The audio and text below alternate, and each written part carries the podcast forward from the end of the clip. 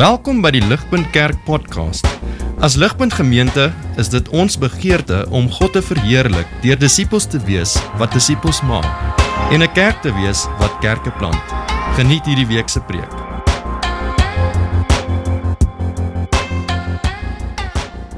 I'd start off very briefly with just telling you guys a little bit of a story.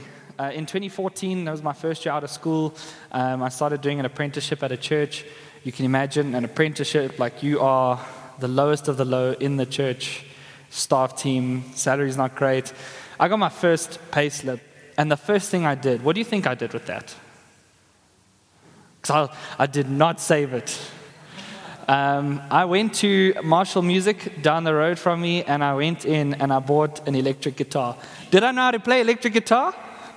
nah, I didn't. I didn't. And uh, I tell you, that was the first, that, that February after the, the January payslip, February was rough. And I was like, okay, I need to learn to work more carefully with my money. Got February's payslip, went back to Marshall Music, bought the amp for the guitar, and March was just as rough. Um, but I wanted to ask us all here this evening let's say, imagine, someone came up to you right now and they're like, hey, here's 500,000 Rand. I could have made it more, but I was like, this is already unrealistic, so we'll just keep it. Here's 500,000 Rand. What, what would you do with that? Um, I don't know if my, did my slides, yeah, yeah? Okay, I'm like seeing myself there, it's kind of awkward. Um, all right, so we're going to put up a couple slides, and I want to see if, if you look at that, you're like, yeah, that's, that's the thing that I want. So, um, if you got 500,000 Rand right now, would you put your money towards any of these things?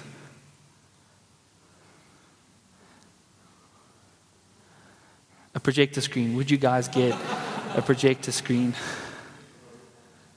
Hey! Hey! The internet is a wonderful thing, I'll say that. Cool. Uh, just you can go to the next slide. Oh, can you, I don't know if you guys can see that properly. That is a that is a Xbox. I'm just kidding. It's a PlayStation 5. How many of us here would put our money into a PlayStation 5? Now, I know a PlayStation 5 is not 500,000 Rand, but like, I'm at the point where I'm like, I'm going to bless all my friends. right? So, so I, I'll tell you straight away PlayStation 5, I'll do it. Anyone else do a PlayStation 5? There we go, to you. Okay. Honesty, I like it. I like it. All right, next slide. You see, I put the Bakkie there because I know. I'm being contextual. if this was Sandton, it would just be that one, right? Uh, how many of us would put our money towards even like, I mean, the Lambo, that's a down payment, like both. Yeah. I, I actually think since moving here, I'm like, a Bakkie's way more practical. Way more practical. But I, I mean, I would probably, after buying all my friends a PlayStation, I'd put what's left towards one of those two. I say the Bakkie, but the Lambo's calling me too. Um, cool, next. Holidays. How many of us would put that towards a nice holiday? I'd definitely do that. Yeah. Yeah. Next. How many of us would save it? I don't know whose wallet that is. It's not mine, I promise. How many of us would save that money? Invest it. Do the wise thing. There's a couple responsible people here. Congratulations. Um, church, can I ask if you had all the money in the world, what would you need to buy or get that would fully satisfy your every need? What is the thing that you're thinking, man, right now, if I could just do that or sort this out, or what would be the thing that would just satisfy everything? Or what's the list of things that would satisfy everything? I kind of made the joke earlier that my wife is doing ComServe next year. And just the other day, I caught myself like thinking, like, yo, come January, what are we, what am I doing? Like, pay this off, pay this off, got to get the PlayStation. Because all my friends have got one now. I'm kind of that guy, you know. They come and they're like, oh, Jay, you're still playing. Uh, uh. Look, look at the graphics. Remember when Xbox One graphics were good? But it kind of got to a point where I was like, well, Jay, where does it actually end? Where does it actually stop being. When, when, am, when am I fulfilled? Because after the PlayStation, the new one comes out, and then guess what? Your graphics suck again. The car needs to be serviced still. You need to still pay off your car. I don't own a house yet, but I've heard it's really challenging because apparently you have to fix the things that break. Right? It never ends. It never ends. And so I kind of felt really like sad in that moment. Like you telling me that even when my wife starts working and, and helping out a bit financially, that even then it won't be enough. Even then I won't be satisfied. And the answer is yes. You will never be truly satisfied. Because then the next conversation that comes up is are we buying her a car? Or does she take my car and I get another car? What about a bigger house? These things just keep going, and we're never truly and fully satisfied. We're never truly and fully satisfied. And so when Jan asked me to come and speak to you guys on the subject of money, and specifically on the subject of money or the topic of money from the point of, of Proverbs, my head kind of began spinning. It was like, well, where do you start? Proverbs is filled with stuff on how to handle money. I think arguably it's one of the most discussed things in Proverbs. Where do you begin? How many sermons should I do? Obviously, I only have one. But I'm just saying, like, you could easily do five to ten. But Proverbs has so much to say about money. And the question that I want to kind of present in light of that is why?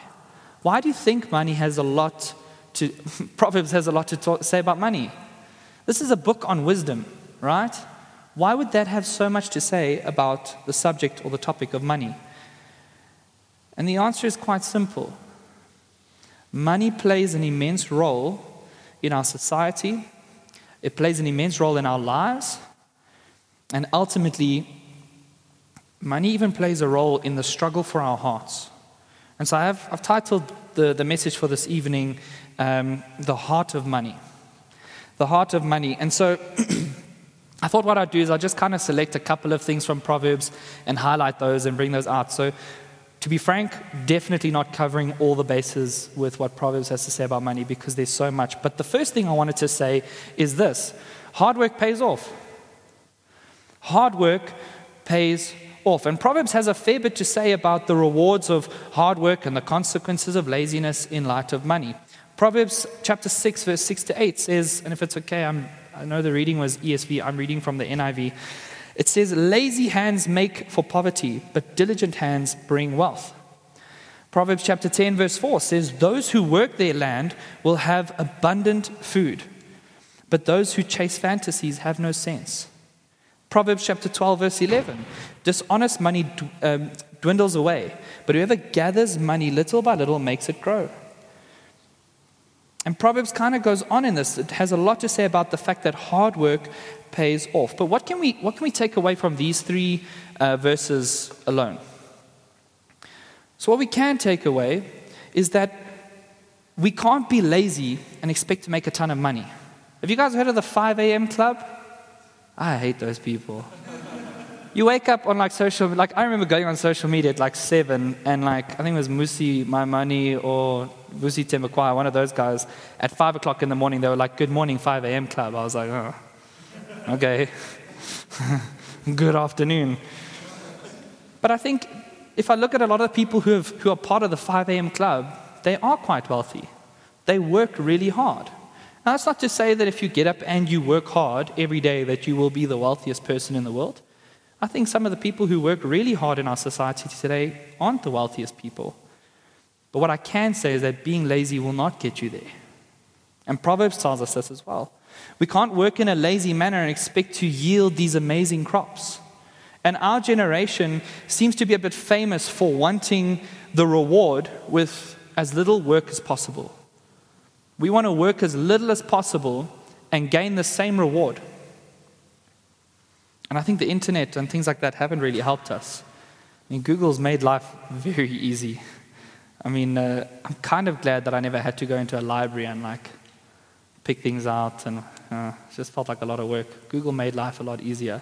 But our generation is famous for this. We're known for, for wanting the reward, but for doing as little work as possible. And the other thing that, this, that Proverbs said to us in those verses that I read out is that money made quickly is money lost quickly. And this really sticks out to me. A friend of mine, I think I was like 19 or 20, and a friend of mine says, You know, Jay, my dad said, he's from Fourways, he said, My dad said, dirty money never lasts. And I think the longer I've lived and the more I've, I've sort of evaluated society, the more true it seems. The quicker we try and make money, and there's a ton of people trying to make a quick buck. Guys like those Forex traders and stuff like that. I know a lot of guys, they were driving GTIs and everything. I don't see them anymore. They're not, on, they're not even on social media. That's how like much they've disappeared. Because quick money doesn't last. We have to be willing to work hard at it and build, build ourselves up and work hard within whatever organizations we work in and earn the respect, earn the promotions, and eventually the reward will come. That, that's just generally how society works. We can't be thinking that we can go and make a quick buck. The amount of people that think that YouTube is like the new way out. I'm gonna become my own boss. I'm gonna make YouTube videos. What? You and your 50 subscribers. It takes years to build up a subscriber base. And yet we see people everywhere trying to find a way to make money just that little bit quicker. And I understand it. I understand it. Life is tough and things are nice, but things are also expensive. But Proverbs tells us that, hey, that's not the way we want to do it. We don't want to earn money quickly. We don't want to do it in a, like, we don't want to earn dirty money because dirty money also doesn't last. We want to work honestly. We want to work hard to make the money and to earn the reward. And so it's at this point that I would like to point out the fact that, that money isn't a bad thing. If we look at, at how the author of Proverbs is talking about money and earning money, it's not a bad thing. If money was such a bad thing, the author of Proverbs would be like, don't work. Don't, don't work hard for money. Be lazy. That stuff's bad for you. But he doesn't. He just says, hey, work hard and the reward will come. And, and people who aren't Christians, and this isn't a shot at people who aren't Christians, because I know that people who aren't Christians or non Christians do take issue with the fact that we are Christians. But they love to point out the fact, they love to say, hey, money, the Bible says that money is the root of all evil. The Bible says so. So why do churches then collect money? And they're paraphrasing 1 Timothy chapter 6 verse 10. It says, "For the love of money is the root of all kinds of evil." Some people, eager for money, have wandered from the faith and pierced themselves with many griefs. See, the Bible never tells us that money is a bad thing. Proverbs is saying, hey, work hard, the reward will come. Not because money is bad. Money is, is something that God gives us, and we're called to be stewards of that. But being a steward of something means that we rule it, it doesn't rule us. And it's the love of money, uh, the love of money that is actually the root of all kinds of evil, not money itself. It's the love of money. And why do you think it's the love of money? Because it leads us astray. And that takes me to my second point, and that is check your heart. And this isn't me standing up here on a platform pointing at you saying, you better check your hearts. Trust me, when I wrote this, I was like, this is, this is hard to even stand up and say because I know not because I'm a Sandton kid, but because I'm a human being, that my heart struggles with money.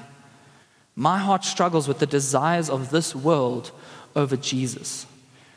So I want to say, check your heart. In Matthew chapter 6, we see Jesus make one of the most famous comments when it comes to our hearts and our treasure. You're welcome to go there. It's Matthew chapter 6, verse 19 to 21. But if you don't want to go there, that's cool. I'm going to read it as well. But it reads as follows It says, Do not store up for yourselves treasures on earth, where moths and vermin destroy, and where thieves break in and steal. But store up for yourselves treasures in heaven, where moths and vermin do not destroy, and where thieves do not break in and steal. And here's, here's, here's the, the, the real point. This is what Jesus drives home here. He says, For where your treasure is, there your heart will be also. In other words, think for a second where you put your money. For some of us, it's cars. We love, especially like, I don't know, there's guys who have project cars, and you know, they never drive. There's so many guys that are like, yeah, this is my project car. I'm like, I've never seen it on the road, bro. For some of us, it's our cars. For me, it's entertainment systems, if you like. Like my, my TV and like the smart TV stuff. like smart appliances. I'm like crazy about that. Um, maybe it's fashion. A lot of young people today, it's fashion. How nice are your shoes? How nice are your clothes? Where did you get your shoes? Where did you get your clothes? Is the Nike tick facing the right way around, or did you buy that somewhere, somewhere dodgy? But that's how we can really tell where our treasure is. Is, is just, just follow the trail of gold coins. Let's have a look at our bank statements. And let's see, man, where is it that I'm placing my money? Where is my money actually going? You see, we're so busy building our own kingdoms and investing in our own kingdoms here on earth that we've lost sight of the one true kingdom that is being built. The one true kingdom where, where things don't perish, where things aren't stolen, and where ultimately things matter. Paul David Tripp says, Little kingdom living is an endless search for earthly treasure, an unending focus on personal need. Grace calls you to a bigger kingdom. Grace calls you to a bigger kingdom. And in verse 24, Jesus goes on in Matthew chapter 6, verse 24. He says the following He says, No one can serve two masters. Either you will hate the one and love the other, or you will be devoted to the, to the one and despise the other. You cannot serve both God and money. He's super specific. He's not being vague or super like metaphorical. He's saying, hey, it's God or money. You can't serve both. You cannot serve both. And I know this may seem like a message where I've kind of come in and it's guns blazing and I'm ready to destroy any cool idea that you had for your money or for your savings. And that's not the point. That's really not the point. And this isn't me scolding you about how you're using your money, but this is more just a caution. This is a caution from a young person who has seen how quickly money can just take our hearts to places that they shouldn't be. It's a caution because if money is your God, it will destroy you. Jesus tells us that we can only serve God or we serve money. There's no in between. There really is no in between. Money used in light of God as our master, as our provider, as our savior, and as our king is the best. It has no control over us. But the moment money becomes our God, the moment money becomes our king and money becomes our savior and our sole provider, we find ourselves in a deep downward spiral. And that's when even our work habits start to become unnatural we, go, we kind of go past the point of, of the 5 a.m. club. That's when people are waking up at 3 o'clock in the morning. That's when people start skipping out on time with family. That's when people start working over weekends and not resting well. That's when people start to ditch church and ditch, ditch Bible studies or small group gatherings and ditch the things that are actually good for them because we become so focused on chasing this thing that we believe, hey, this, this is where the solution is to all my problems. This is where I'm going to find it. And we begin to chase it and we allow our work habits to sort of follow that. And it destroys families, destroys people. And we stop depending on God for everything, including our salvation. I met with a friend yesterday for coffee, and he works for quite a big corporate company. And he said, You know, Jay, the last two weeks, I've really felt empty spiritually.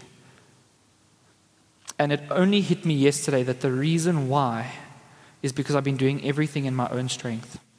And he said, So can you just pray for me, Jay, that I would take God into every meeting this week? That I would take God into my workplace. And I thought, man, that's so healthy. It's, it's good to work hard. It's good to be faithful within the work environment where God has placed you, but don't do it without Him. Don't do it without depending on Him, because that's when it becomes about the success and the popularity and the money. And that's when we lose focus of what God has done. Proverbs 11, verse 28 says, Those who trust in their riches will fall. Those who trust in their riches will fall, but the righteous will thrive like a green leaf. You know what I love about Proverbs? You generally don't need a commentary to understand what it's saying. It's super obvious. Those who trust in their riches will fall, but the righteous will thrive like a green leaf. You're walking in a park or you're driving and you see a big brown tree.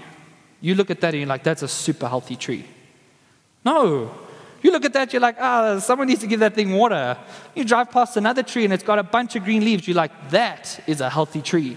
And that is what Proverbs is saying. The righteous will thrive like a green leaf. Man, you will be healthy, but those who trust in their riches will fall. We cannot trust in money because money, like all other created things, cannot save us. And Proverbs encourages us to use money wisely. And again, that's the reminder money is not a bad thing. Proverbs even encourages us to enjoy it, but it warns us against depending on it and relying on it so heavily. And there is wisdom in this. Look at the world around us. How many people are stabbing each other in the back in the workplaces? Hey, how's it, Machana? Greeting each other, best friends. Going to the office like, hey, that guy. Do you know that he did this? How many people are stealing from their companies? We live in South Africa. We see what corruption and the desire for money is doing. And that's the point. We need to stop trusting money to save us and thinking that money is the solution to all our problems because it's not. And it's with, with all of this, everything that I'm saying here, I want to bring us to a close by saying the final thing, and that is that money can't save you. Money can't save you.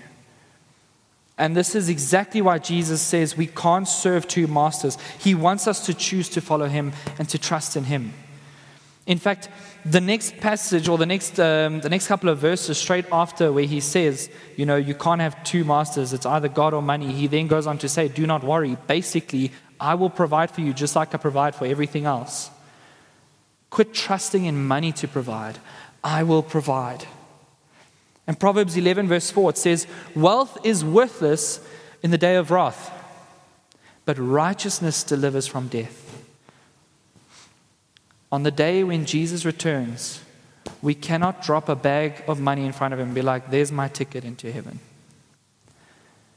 There is no VIP ticket where you're either covered by the blood of Jesus, but if that's not going to work, we've also got these going on special two for the price of one. Jesus isn't going to ask to see your bank account. He doesn't care about what Adam Gray has done for you, doesn't care about what you've inherited. Wealth and money cannot buy us a spot in heaven, but righteousness does. Righteousness does. So, how do we receive this righteousness? Do we buy it? Because I think that's where a lot of people go, right? How much for that seat? Do we work for it? Man, if I just serve a little bit more at church, then, then I'm in God's good graces. No. Do we earn it? I think a lot of us like to think that we can. But we can't. You can't earn it by how hard you've worked, how much you've attended church, how much money you have in the bank. You cannot earn it. It has been given to us by God through His Son, Jesus. And that is why we can sit here and say, man, not only am I no longer a slave to sin, I'm no longer a slave to money because we have been bought by a loving Father. And it pains him to see us chasing after this thing that, that shows us no love in return. I'm waiting for the day someone says, Nelson Mandela on my 100 Rand note told me he loves me. Won't happen. And I think a lot of us think that, that money does love us.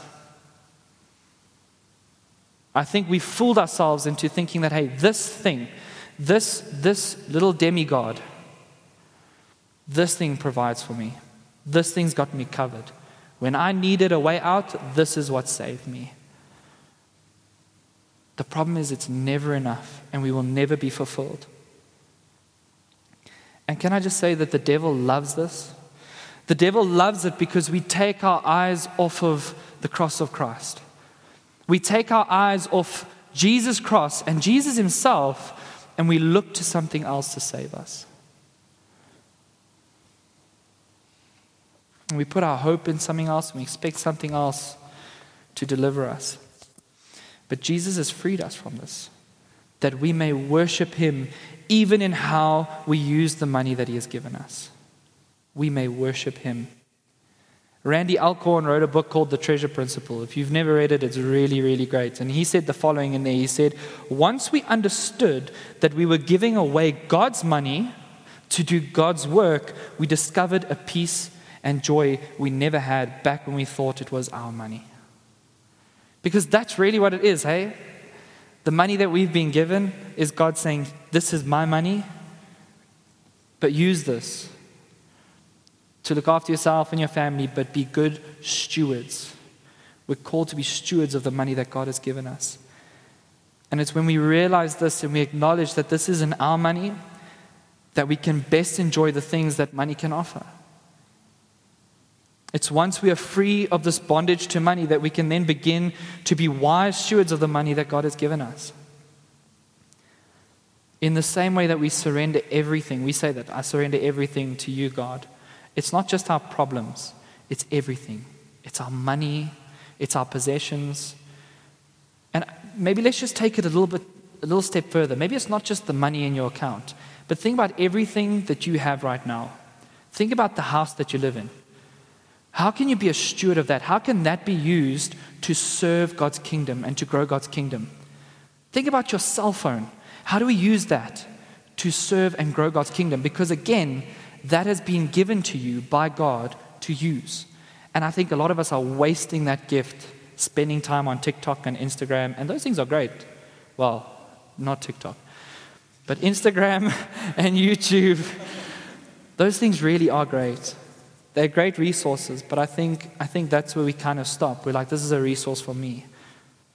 But how can you use your cell phone to worship God and to glorify Him? Maybe it's phoning someone and praying with them. Maybe it's using it to, to set up that meeting where you can go for coffee with someone. Think about your car. How do we use our car to serve God? This thing stretches beyond just the money in our bank account. It's every single thing that we own is saying, Man, God gave this to me. How can I use this today to serve Him?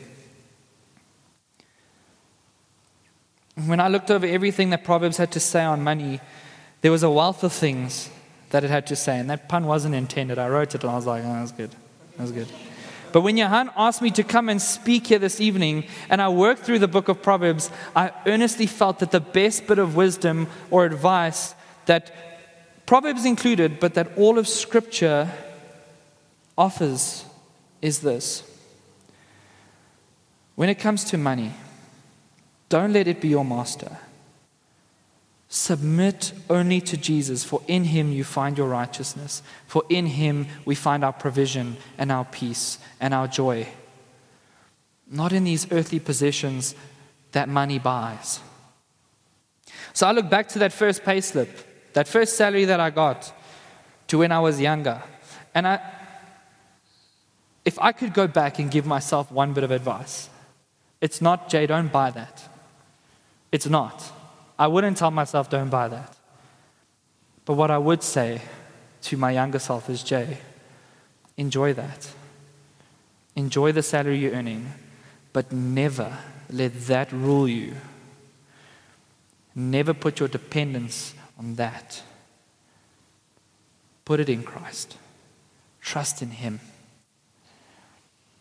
Not how you budget, not how you save, not where you save or who you save with, just simply this don't let money rule you.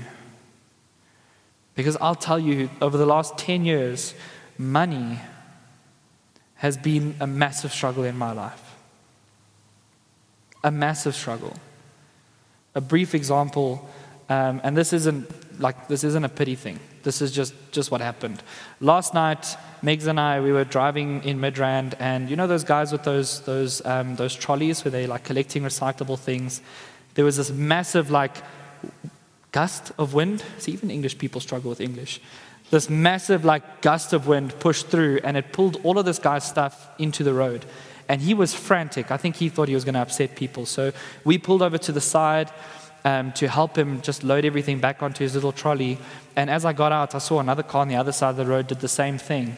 And while we're busy packing up, I just hear someone like start screaming, and I turn around. And as I turn around, I see this car go into the back of mine. And I'm like, the first thing that I think is not, hey, is everybody okay? The first thing that goes through my mind is, how much damage? How much is it going to cost? Can I even afford to? Not even thinking about the people involved. And so I'm not standing here saying, man, I've got this down. I'm standing here saying, do you realize how quickly our love turns to money instead of to Christ and to others?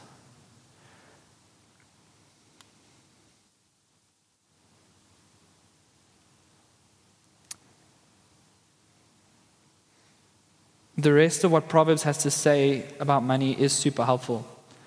And like I said in the beginning, easily, I think there's about five to ten messages in that. But we can't go there now. So, the one thing that I want to leave with us all this evening is don't let money rule you. We submit to Christ and we trust in Him. And everyone here is still young. We've got a clean slate. And if we approach money in a godly way, with wisdom and with care, things should be a bit easier for us. I'm not saying that, that being wise with our money and listening to what Proverbs has to say and what the Bible has to say will solve all our monetary issues. That's not true. Because life is life and we live in a fallen world, right? But we will be better off for it. We will be better off for it if we live wisely with the money that God gives us and we live in submission to God and not to the money that He has given us. And so, as we all move on in life and as we leave here today, the one thing we all should be taking home or thinking about is this Am I serving money or am I serving Jesus? Because only one of those things brings about true fulfillment, provision, identity, and comfort. And I'll tell you now, it's not money. And so I want to challenge us all here this evening to think about where our hearts are. Where is our treasure? And if that needs to be readjusted or realigned, let's do that. And that's going to happen often. It's not like you're going to readjust and realign tonight and you're good to go for the rest of your life. I think, you know, if, if we're lucky to hit 80, 90, we'll still be doing this. Just readjusting our hearts and saying, man, I trust you, Jesus, not this money. I trust you, Jesus. And the reason why we want to do that, and the reason we want to place our trust in Jesus and not money, is because, as Proverbs tells us, Wealth is worthless on the day of wrath, but righteousness delivers from death. Let me pray for us. Father, we thank you. We thank you for, for money. We thank you, Lord, that it does it is something that provides for us. But Father, we know that that comes from you. The money comes from you, Father. And I just pray that we wouldn't trust money for salvation or for provision or for peace and joy, but Lord, that we would find that all in you. That we would find that all in you. And Lord, that we would, that we would think with the treasure principle in mind, saying, I want to invest in the kingdom where things don't deteriorate, where moth and vermin don't destroy, where thieves don't steal, but Father, where things are eternal because we want to invest in your kingdom and not our own little kingdoms here on earth. We pray this all in Jesus' name. Amen. Vir meer inligting oor Ligpunt Kerk, besoek gerus ons webwerf op www.ligpunt.com of kontak ons gerus by info@ligpunt.com